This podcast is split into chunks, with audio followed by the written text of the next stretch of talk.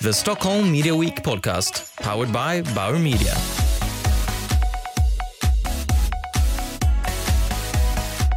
Hej och välkommen till Stockholm Media Weeks podcast som presenterar av Bauer Media. Mitt namn är Sonja Butcher och jag är Business Director på Starcom.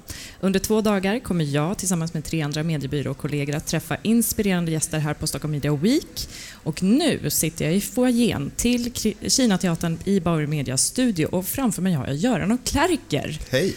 Hej, välkommen hit! Tack så jättemycket. Och Göran, du har ju ett förflutet från mediebyråsidan, bland annat som koncernchef för Aegis ja. och sedan 2006 VD på Brand Experience-byrån Nine Yards och dessutom högst delaktig i innehållet här på Stockholm Media Week. Så det är det vi tänkte prata om. Kul! Här Ja.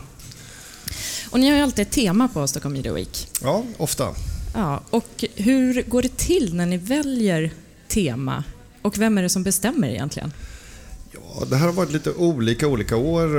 Eh, så som vi gör nu är att vi samlar på oss en massa trendspaningar under hösten och så har vi en bruttolista på kanske 20 stycken ämnen som vi tycker eh, ja, är eh, den intressantaste listan. Och så tar vi med oss ett antal personer som är involverade. Vi tar med våra sponsorer, vi tar med lite smarta tyckare, typ Patrik Sandberg som ju fortfarande har ett halv fot kvar i detta, i varje fall ett halvt hjärta. Eh, eller ett helt kanske. Och eh, så sätter vi oss i en workshop och så kör vi en klassisk brainstorming där vi försöker expandera de här ämnena och se, skulle det här bli intressant? Vem skulle kunna komma och prata om det här? Vad, har vi, vad hade varit en eh, dreams come true om vi kunde få den här personen dit? Och det här gör vi ganska tidigt i eh, oktober ofta. Och ut ur det kommer en jättelista. Eh, det vill säga kanske hundra punkter eh, och hundra tänkbara personer. Och den brukar vi sen i en lite mindre grupp eh, skala ner. Vi hittar teman, vi bygger programmet utifrån... Vi börjar med att bygga fyra stycken halvdagar. Och ett antal frågor som de halvdagarna ska svara på. Så egentligen så har vi ja, någonstans mellan sex och åtta strategiska frågor som varje halvdag ska svara på. Och sen därifrån börjar vi bygga punkter, rubriker, eh, del, potentiella deltagare. Ska det här vara en panel? Borde det här vara en keynote? Ja, så bygger vi programmet ungefär. Mm men, och, men det låter ju som att jag skulle vilja vara en fluga på väggen när ni har de här diskussionerna. Ja. Börjar ni någonsin eh, bråka? Hur, hur, eh, hur kommer ni fram till något beslut? eh, ja, eh, i slutändan brukar vi vara ganska få som bestämmer faktiskt. Utan det brukar vara jag, Marina, eh, Patrik Sandberg har varit med de flesta gångerna. Eh, som sen på något sätt sätter ner foten och säger att ja, det här blir fyra bra halvdagar. Och sen försöker vi därifrån hitta någon typ av övergripande tema på det. Mm. Ja, men det här blir som i år exempelvis då. Ja, men det här handlar väldigt mycket om att det hela tiden finns en trend och en mottrend. Att det finns en dualism i att vi å ena sidan har räckviddsmedierna som gör någon typ av återkomst och revansch. Samtidigt som performance marketing-begreppet eh, blir mer och mer avancerat med AI och ja, alla sköna buzzwords runt omkring performance marketing som finns just nu. Och då ser vi, ja men det här är, det är verkligen en dualism som, som vi ser i alla de här punkterna. Eh, och då föder vi då det övergripande temat. Mm. Så här halvvägs in i Stockholm Media Week, mm. hur har responsen varit så långt? Nej, men jag tycker det har varit bra. Vi försöker alltid spänna bågen lite grann. Att våga gå strax utanför komfortzonen för publiken. Det här ska inte vara det ska kanske vara det snarare det som, eh, som borde vara ditt viktigaste fokus imorgon snarare än det som är ditt viktigaste fokus idag. Eh, det är ju lite vår målbild. Och eh, jag tycker nog hittills att vi har spänt bågen rätt bra. Igår var en bra diskussion om, om jobbar vi verkligen på ett nytt sätt med strategi? Vågar vi faktiskt värdera våra varumärken på ett annat sätt? Och sen kommer vi in på teknologi. Eh, hur kan vi accelerera teknologitakten i, i våra bolag? Hur, kan, eller hur kommer det se ut när vi har en massa bottar och AI som, eh, som påverkar det vi gör? Eh, så ja, jag tycker vi lyckades. Igår tycker jag nog att vi kanske till och med var två dagar fram på marknadschefens i marknadschefens agenda, hoppas jag. Mm. Ja, jag tyckte det var spännande i, igår när jag lyssnade. Ja, cool. um, Drömtalare måste ni ha en del. Vilken drömtalare önskar du att eh, vi hade haft här i, i år, men som inte kunde komma? Det finns ju alltid eh, såna här onåbara amerikaner exempelvis. Så, så eh, Jeff Bezos på Amazon. Eh, Amazon överhuvudtaget. Vi har, vi har flera år försökt få hit någon från Amazon. De är så jävla hemliga eh, och ändå gör de så otroligt bra grejer. Just i år så hade vi väldigt gärna velat få hit någon från Amazon och pratade om deras Echo som är den här hemmikrofonen som styr AI som du kommer bli din nya kompanjon i hemmet. Just det. Eh, De vill, vi får inte ens tag i dem. Nej. Eh, själv- Sen har jag en personlig, eh, en personlig favorit eh, som heter Tony Shea som driver ett bolag som heter Zappos. Som eh, har som mål att vara, ha världens bästa kundservice. Och de gör massa coola, coola grejer för att få kunderna att bli fans och ambassadörer för dem. Eh, Men eh, vi- vi har knappt ens hittat en, en programpunkt där det skulle passa än. Så, men något år kommer det hända. Ja, kul. ja. Ja. ser fram emot det. Ja. Ehm, men... Är man intresserad, verkligen intresserad utav att skapa den mest fantastiska kundservicen så ska man läsa Zappos böckerna. Okej, bra tips. stycken. Ja, det är ett boktips. Mm, jättebra.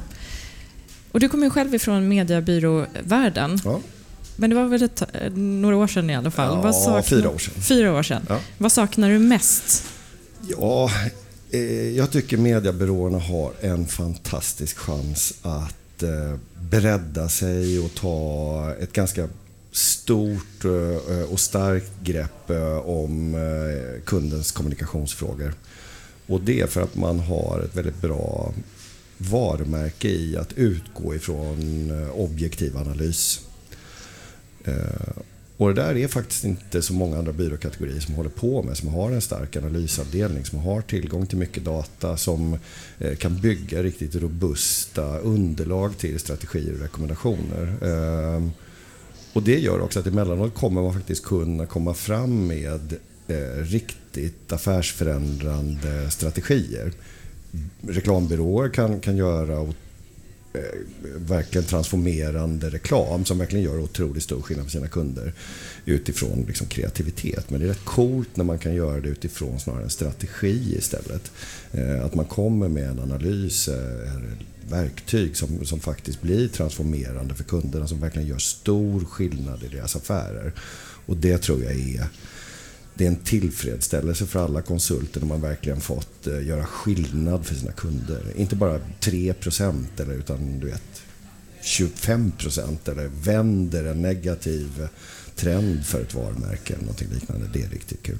Det där är ju otroligt spännande och säkert de flesta mediebyråer håller, håller med om att eh, det finns en stor potential där. Om du satt på mediebyråsidan, hur, vad hade du gjort Just för att komma in, komma in, in i, Ja, i de forumen? Alltså, om man utgår ifrån det som vi har diskuterat nu eh, så är det klart att få vara en, en del i eh, när kunderna på något sätt utvärderade vad de kunde använda AI och bottar och så vidare för, för att förändra deras customer experience, eh, kanske förändra hela deras affärsmodell. Eh, Jag hade nog gått tungt in på att se till att det fanns spetskompetens inom det här nya, väldigt, väldigt spännande området. Och sen hur fan man eh, lyckas hänga med Google exempelvis som ju nu precis har varit uppe på scen. Ja, det går ju inte men kan man bygga ett starkt partnerskap med Google? Kan man produktutveckla ihop med dem? Eh, kan vi gemensamt liksom göra saker för kunderna som kommer vara transformerande? Det hade jag nog satsat lite på. Ja, bra. Ja. Det tar vi vidare. Ehm, men förra året så började du då som VD på Nine Yards, en brand experience-byrå. Mm. Ja. Eh, Förklara, vad gör en brand Ja, experience-byrå? vi gör en annan typ av skillnad. Eh, Vi tror ju ehm, att i den här otroligt digitala världen så är det att skapa upplevelser som gör att varumärken sticker ut. Eh, varumärken som bjuder på större upplevelser än låt oss säga, vad deras konkurrenter gör gentemot olika stakeholders eh, kommer vara varumärken som lyckas bättre. Och det har vi bevisat om och om igen. Och en upplevelse i det här fallet kan ju givetvis vara digital men är oftare eh, fysisk eller IRL eller vad vi ska kalla det för någonting. Eh, vi brukar säga att när våra kunder är som bäst så står vi ofta inte långt borta.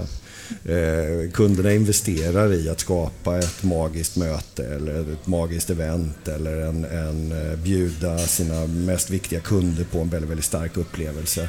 Eh, och det är det folk sen kommer ihåg. Eh, jag var själv kund hos Nine Yards när jag var på byråsidan och vi bjöd med våra viktigaste kunder på en inspirationsresa varje år. Och det är många av dem som jag träffar fortfarande som säger fasen när vi gjorde den där grejen i Berlin eller när vi var i fjällen och gjorde det här och så Oj, nu, nu blir det liv Nu är det paus.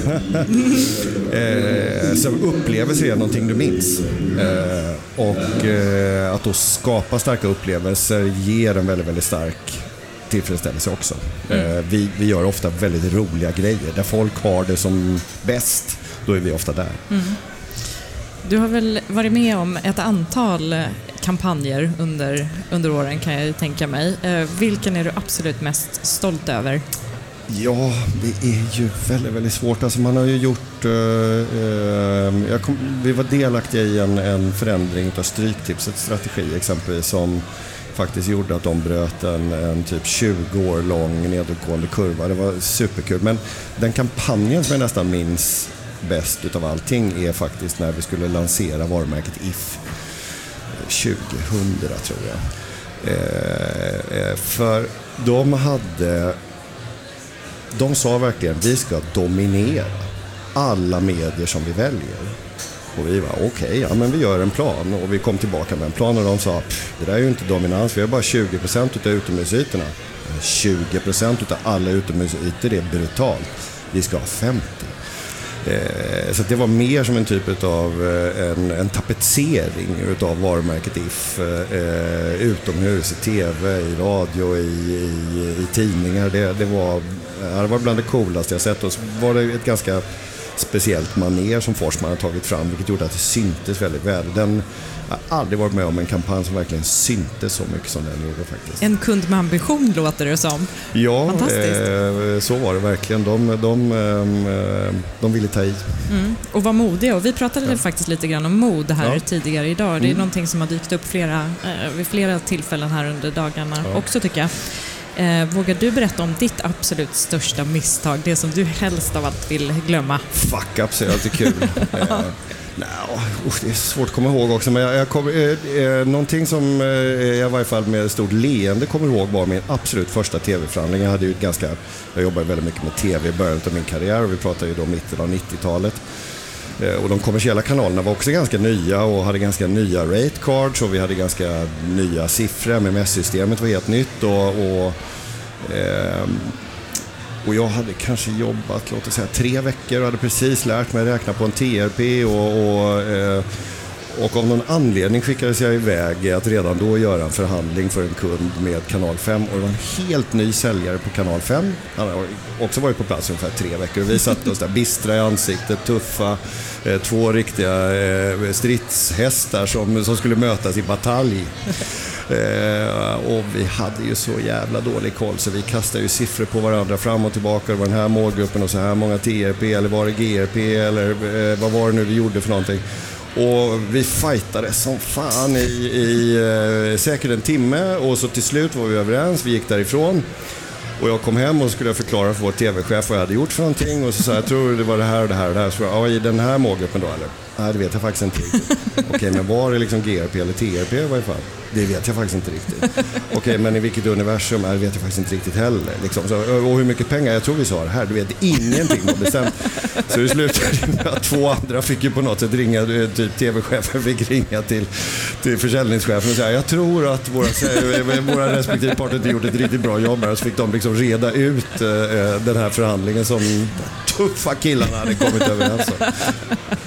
Fantastiskt. Tack snälla Göran för att jag fick prata med dig. Tack så jättemycket, det var superroligt. Och nu sitter jag i foajén på Kina teatern i Bauer Medias studio och framför mig har jag Åsa Wallenberg. Hej. VD på SBB Fonder eh, sedan årsskiftet, men du har också en bakgrund som eh, kommunikationschef. Och just nu så befinner du dig på, på plats nummer 15 på listan över Sveriges mäktigaste i hållbarhets-Sverige. Välkommen hit Åsa! Tack snälla. Kul att vara här. Jättekul att ha dig här. Eh, och vi ska ju prata om hållbarhet. Och eh, för SPP har ju hållbarhetsfrågan varit en, en viktig fråga under lång tid, både från ansvarsperspektiv men också från affärsperspektiv. Och I januari i år så utsågs Storebrand, där SPP ingår till världens mest hållbara försäkringskoncern och tvåa i världen över alla företag. Så att eh, det känns som att jag har rätt gäst på plats för att prata om hållbarhet. Ehm, så att om vi börjar med första frågan. Hur jobbar SPP med hållbarhet idag? Eh, vi jobbar på, eller på flera nivåer kan man säga. Och som du säger, det här är något som är helt integrerat i det vi gör. Eh, och de här utmärkelserna är något som vi är otroligt stolta över. Men om man tittar först på, liksom, på oss som bolag så vi måste leva som vi lär. Så att, eh, det handlar om att vi ser till att vi har koll på våra leverantörskedjor, att vi på kontoret eh, Eh, sopsorterar, det här ganska liksom, enkla som vi kan hantera. Sen så är det också, handlar det också om att vara en aktiv röst i samhällsdebatten. Att jag är här idag, exempelvis, att jag får möjlighet att prata om det här och att vi tar ett ansvar ute, liksom utanför våra dörrar. Men det allra viktigaste är hur vi investerar våra kunders pengar. Ehm, vi är, I Sverige är vi Sveriges femte största fondbolag, störst efter bankerna. Ehm, och ehm, det som vi medskickar till våra kunder är ju vikten av att investera hållbart och hos oss är allt hållbart. Och eh, hela hållbarhetsfrågan, hur mm. genomsyrar den också kommunikationsbiten? Du kommer ju från mm. kommunikationshållet. Jag skulle säga så här att det är nog andra vägen egentligen. För att i och med att det här Storbrandskoncernen som äger SPP eh, har hållit på med, eller haft hållbarhetsfrågan på agendan i, i över 20 år. Så det är liksom kärnan någonstans i hela vår verksamhet. Så att från början ska jag säga att, eller man kan säga att ju, ju mer vi sett efterfrågan på liksom det som vi erbjuder, där har ju då kommunikationen kommit till någonstans. Ehm, och blivit liksom som en viktig drivare i att komma ut med våra budskap. Ehm, och det är ju så någonstans att eh, hållbarhetsperspektivet är för de allra flesta inte så kopplat ännu till sitt sparande. Ehm, och sparande i sig, jag vet inte hur, hur pass intresserad du är av ditt sparande, men generellt om jag, ska, om jag ska generalisera så är väl sparande för många ganska eh, av lågt intresse. Och eh, om vi kan koppla på hållbarhetsfrågan som, som mer och mer skapar ett engagemang så är vår övertygelse över att där kan vi med kommunikationshjälp öka intresset för sparandet också. Och jag har ju förstått att faktiskt man kan göra en enormt stor effekt genom att se över sitt eh, sparande. Och Det är faktiskt någonting som ändå är väldigt nytt för mig. Och För mm. mig var det ganska skönt att eh, få den insikten. Ehm, men av de här uh, olika områdena, kommunikationsområdena som mm. vi behöver fokusera på, mm. var, var, någonstans är det svårast att nå fram med ert hållbarhetsbudskap? Ja, men jag tror att om jag ska liksom peka på det som är, som är svårt, är att vi är, liksom, vi är inom en bransch, finanssektorn, som är eh, först reglerad var du, hur du kan kommunicera. Och sen så eh, att hållbarhet, det är också liksom definitionerna kring hållbarhet är ju inte heller helt lätta. Så att jag tror att det är att skapa en tydlighet eh, för att du ska förstå, liksom göra kopplingen till att du faktiskt med ditt sparande kan göra enorm skillnad. Om du väljer att spara i de bolag, vilket inte är svårt, för det handlar egentligen om att välja kanske en indexfond som är som en, en korg av alla möjliga bolag. Eh, en indexfond som är hållbar, så har du redan där gjort en stor, liksom, en stor skillnad.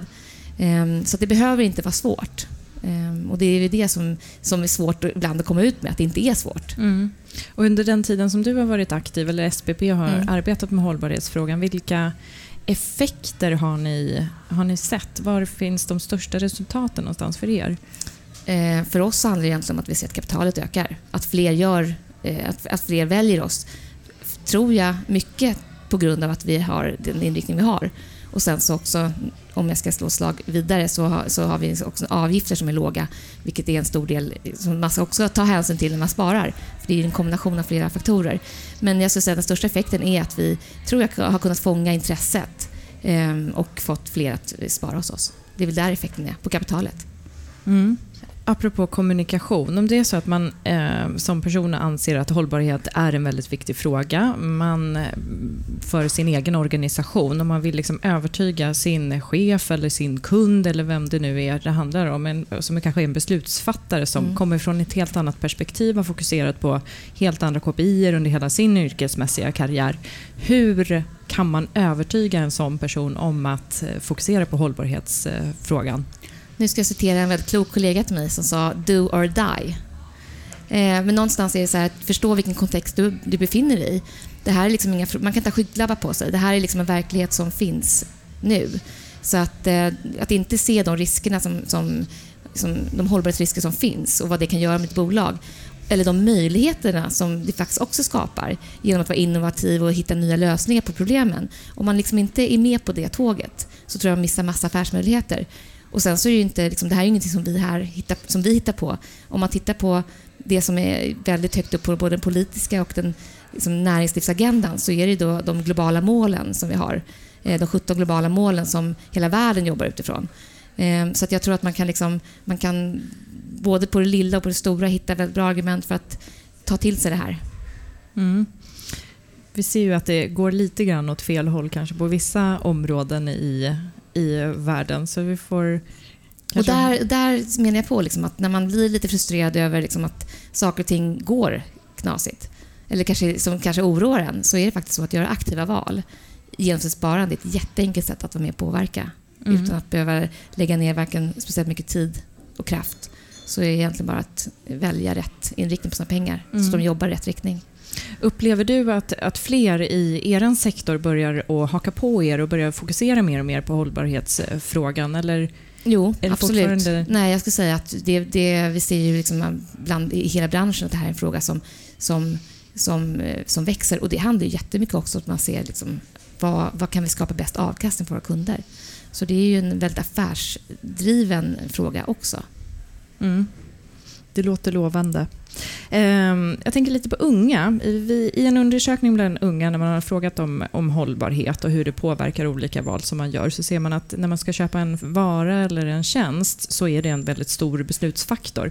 Däremot när man väljer arbetsgivare så finns inte det med som ett eh, beslutsunderlag på alls samma sätt. Vad är dina tankar kring det?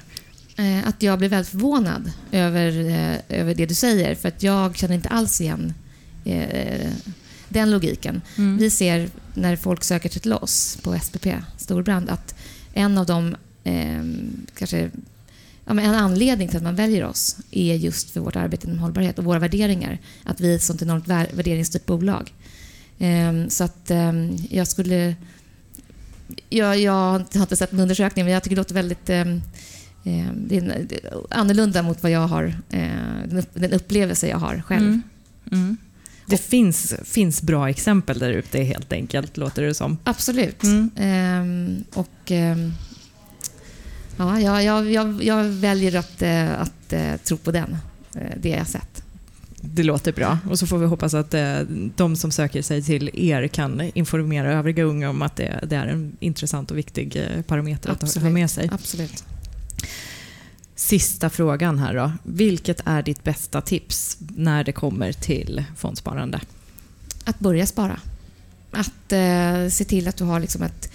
ett eh, nu låter jag som en, som en riktig sparekonom här, men det är faktiskt det bästa tipset, det är att ha ett regelbundet sparande. Och att eh, jag skulle ju själv välja då, eh, eller se över vad du sparar till så att du, du jag, om jag går till mig själv så sparar jag långsiktigt och då har jag liksom en mix av indexfonder som är som är, som är billiga och hållbara. Eh, och sen så att man kanske toppar med någonting, någon speciell sektor, någonting man är intresserad av. Men börja spara.